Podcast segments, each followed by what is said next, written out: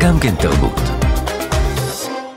והנה, אנחנו מתחילים מיד עם הנושא הראשון שלנו לבו, לשעה זו ולאורחת המיוחדת שיש לנו כאן באולפן. כנערה היא לא דיברה הרבה, נבדוק אם זה השתנה אה, עם השנים.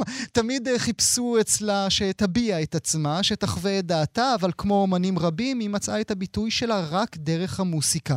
כנראה שמדובר בעניין משפחתי, כי הנה בשיר שהיא הוציאה אך לפני כמה חודשים היא אומרת, אבא שלי אומר שלדברים יש נטייה להסתדר, אבל גם הוא לא מדבר, כשכואב, שותק ומסתגר. היא גדלה בקיבוץ בגליל העליון, בבית שהיה מוסיקלי, עם אבא, הנה אנחנו שוב חוזרים אל האבא, שהיא מעידה שיש לו את הקול הכי יפה בעולם, והיא עכשיו בדרך לאלבום בכורה, מבטיחים לנו שהוא יצא בחודשים ספטמבר-אוקטובר, אלבום שבמידה רבה משמש כתעודת סיום לתקופת ההתבגרות. אולי אצלה זה הגיע באיחור, או כמו שהיא עצמה אומרת בשיר אחר, משהו במשתנה, קורא לי לגדול, לקחת אחריות. אני שמח, שמח להציג בפניכם הבוקר את שוהם טפיירו. שלום שוהם. בוקר אור. תודה רבה שאת נמצאת איתנו, אנחנו אוהבים אותך עד מאוד, ועוד רגע גם המאזינות והמאזינים שלנו יאהבו אותך. לפני שנתחיל עם משהו במשתנה, אנחנו נקבל גם את ירדן לברון, הגיטריסט שנמצא לידך. שלום ירדן. בוקר טוב. שמח שאתם נמצאים איתנו. עלה, שוהם, צלילים.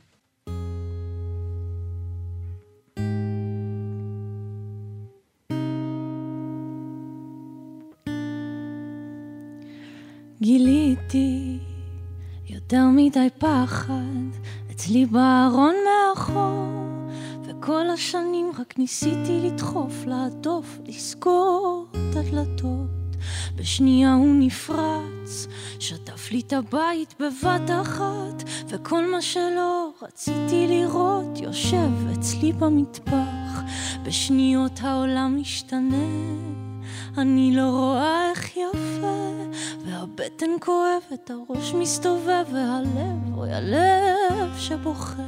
פתאום חושבת על אבא, על אמא, על סבתא וסבא, על הזמן שמותח גבולות, ילדה שחזרתי להיות. משהו בי משתנה לקחת אחריות, משהו בי מחכה שידליק את האור. האיש להסתכל, לא לעצור. האיש להסתכל, לא לעצור.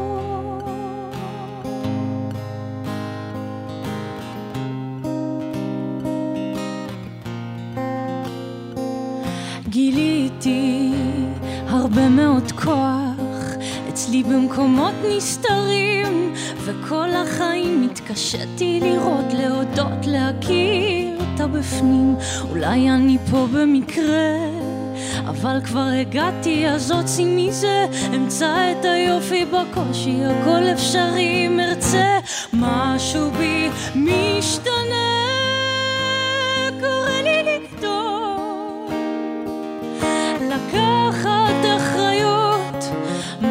משהו בי מחכה שידליק את האור. האיש להסתכל, משהו בי משתנה,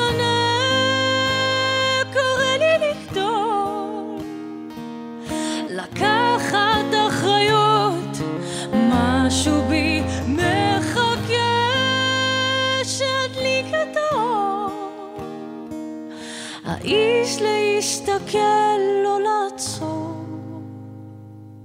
האיש להסתכל, לא לעצור.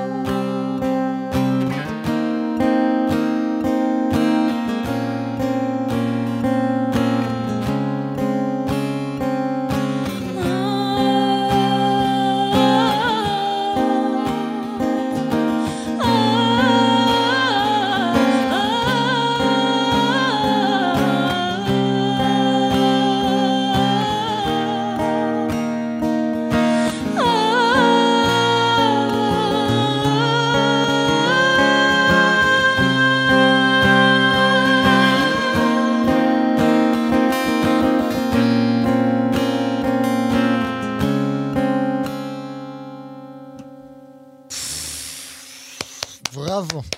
שוהם טפיירו וירדן לב רון. איזה קול יש לך, שוהם. איזה קול יש לך. אמ, את אומרת בשיר, אה, את, אה, אני אולי פה במקרה, את לא פה במקרה, אה, אבל מין התעוררות מאוחרת, זה יהיה הוגן להגיד את זה? לגמרי, אני ממש מרגישה שזה שיר ההתבגרות שלי. כאילו, אני מרגישה שכזה התבגרתי במין בום כזה. אני חושבת שהסגרים והקורונה אה, גרמו לי לראות את זה, נראה לי ממש ממש בבירור. אה, ו- וזה, פתאום צפו מלא מלא פחדים שלא הכרתי את עצמי כאדם מפחד לפני זה. ו- ואז גיליתי את הדבר הזה, וזה הבהיל אותי נורא. אבל גם גיליתי את הכוחות שיש בי להתמודד. אבל אנחנו מדברים על המוסיקה, נכון? המוסיקה הייתה חלק מהחיים שלך, או שפתאום בגיל 30 הבנת שהי, אני כנראה יודעת לשיר? לא, לא, המוזיקה הייתה חלק מהחיים שלי מכיתה ב', נראה לי, משהו mm-hmm. כזה. כן, זה, זה ממש התחיל שם. אני מדברת על החיים בכללי, על כאילו, על להיות אישה בעולם, להיות בת להורים בעולם, להיות בת זוג, להיות אחות, להיות חברה, כאילו, זה... כל הדברים האלה, לחיות. Mm-hmm. ומבחינה מוסיקלית, למה ההתעוררות המאוחרת? Uh, אני לא חושבת שהייתה התעוררות מאוחרת, אני כבר כמה שנים uh, כותבת ועושה. Uh, לוקח כל הזמן זמן להתבשל עם הדבר ולהרגיש שזה מה שאת רוצה לצאת איתו החוצה. Mm, uh, למצוא את, ה- את כן, את, ה- את הקול המדויק. נכון. את הסאונד הנכון, את הטקסטים שירגישו שאני עומדת מאחוריהם ב-100%, וזה תהליך כזה שכל הזמן שכל הזמן קורה, כאילו דברים יוצאים, ואז אני מתכנסת לאיזה תקופה. ואומרת לעצמי, זה לא מספיק טוב, אני יכולה יותר, בוא נעשה אלבום אחר. בדיוק. כן, זה העולם שבו את מסתובבת.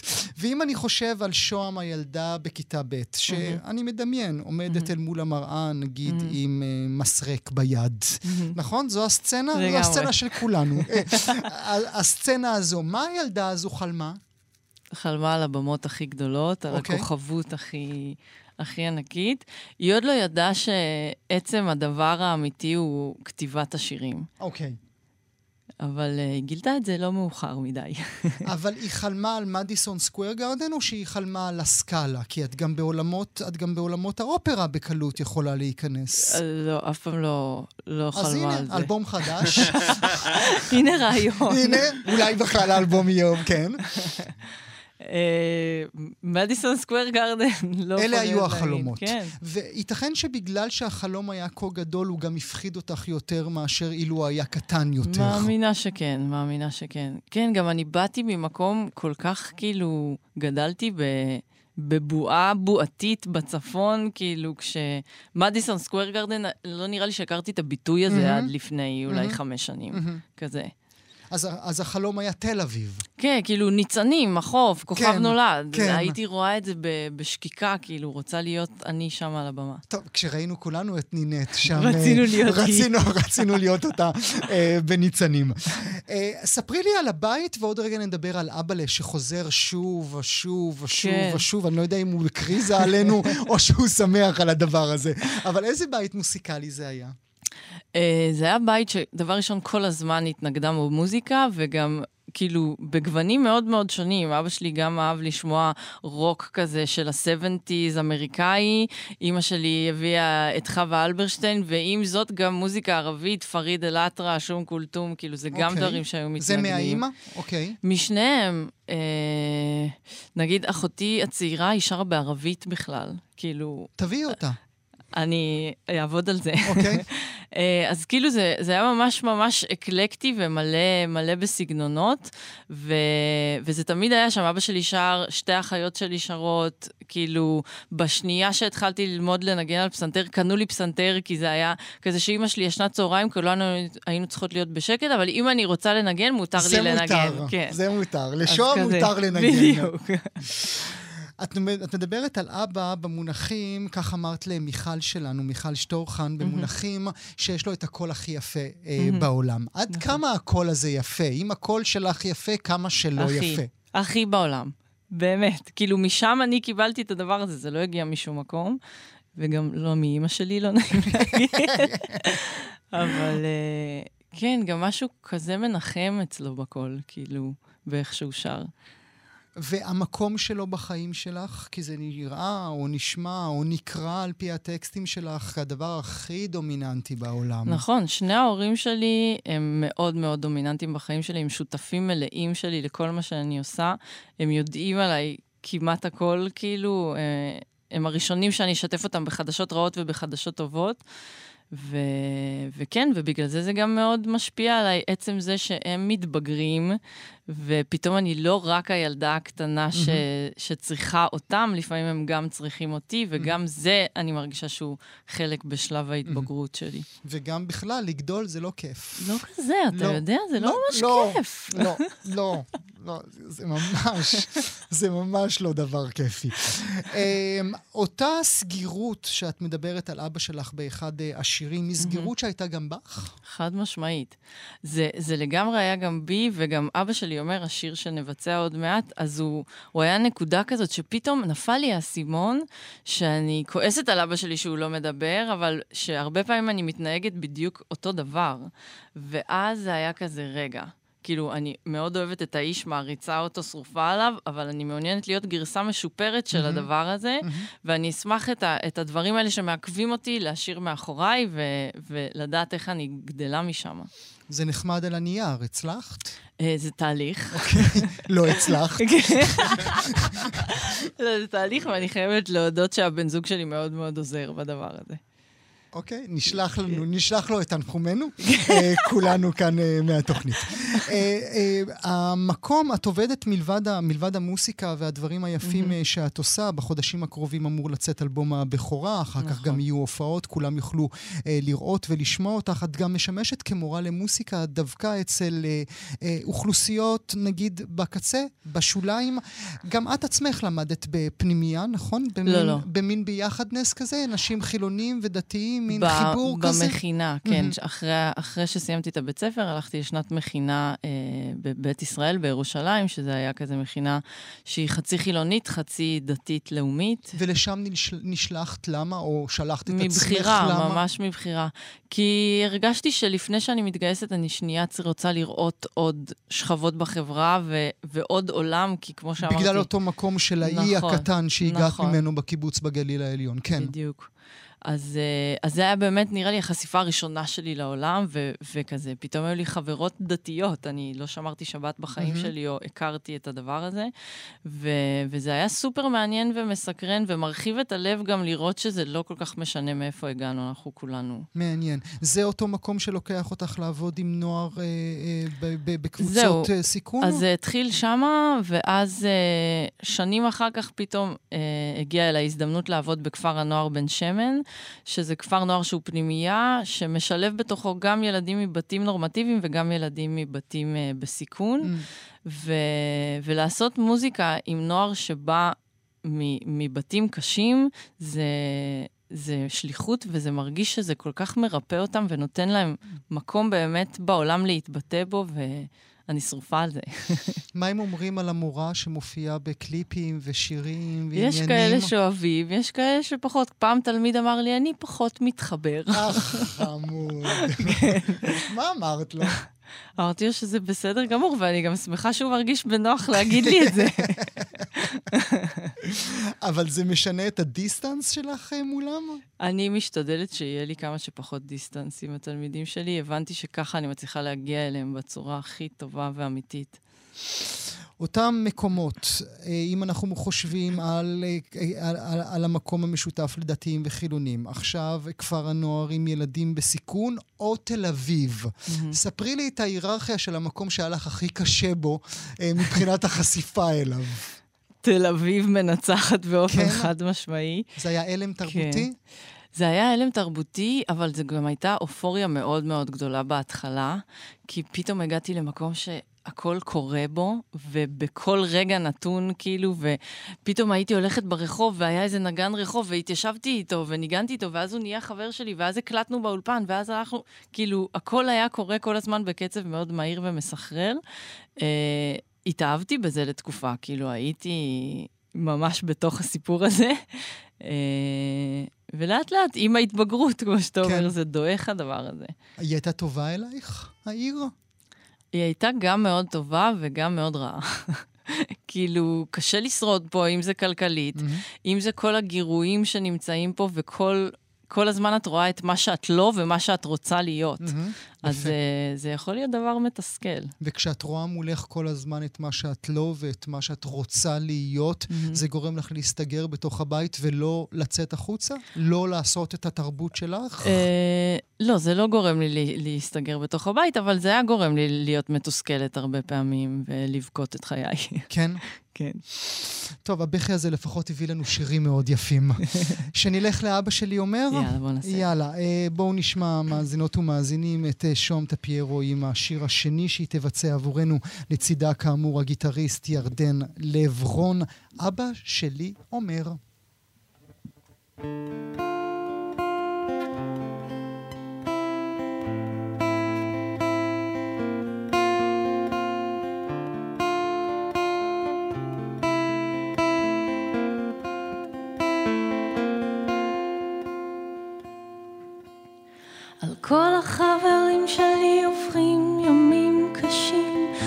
ואז אני לא מעזה להישבר, להתפרק, לבכות מלא, להשתתק, גם לא מולך. ואז כל הפחדים שלי הם צועקים בשקט, את בודדה, אין אף אחד שבאמת ומקרוב יכול להיות לך נחמה, אני רוצה אותך. צריכה להיות אמיצה, לתת הקפיצה, עוד יש עבודה. איך לגלף, להיחשף, להרגיש בטוחה מולך. אני צריכה להיות אמיצה, לתת הקפיצה, עוד יש עבודה. לגלף, להיחשף, להרגיש בטוחה.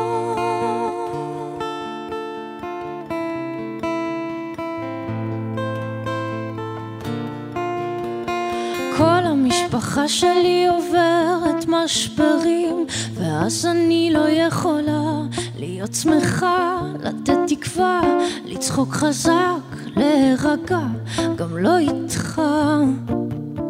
ואז כל הסודות שלי הם נשארים בפנים, בונים חומה, אין נכנס ואין יוצא, הבית ריק ולא שקט, את נעולה, אני רוצה אני צריכה להיות אמיצה, לתת הקפיצה, עוד יש עבודה. איך לגלף, להיחשף, להרגיש בטוחה מולך. אני צריכה להיות אמיצה, לתת הקפיצה, יש עבודה. איך לגלף, להיחשף, להרגיש בטוחה. אבא שלי אומר שלדברים יש נטייה להסתדר. אבל גם הוא לא מדבר כשכואב, שותק ומסתכל. את זה אני לא רוצה לקחת, אם זה מעכב אותי, הרגלים קשים, לא תודה, אתם לא באים איתי.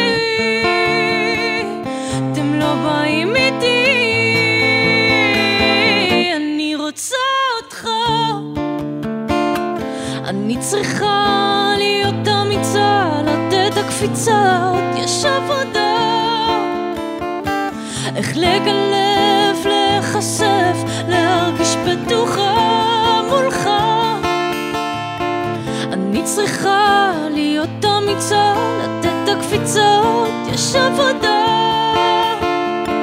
איך לגלף, להיחשף, להרגיש בטוחה.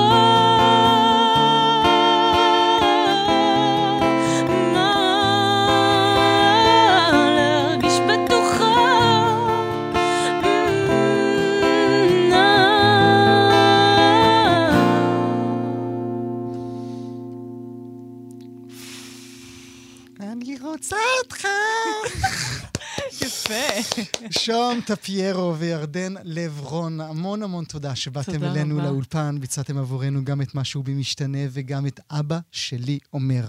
תקשיבי לאבא. תודה שהייתם איתנו היום. תודה רבה, נהנינו מאוד.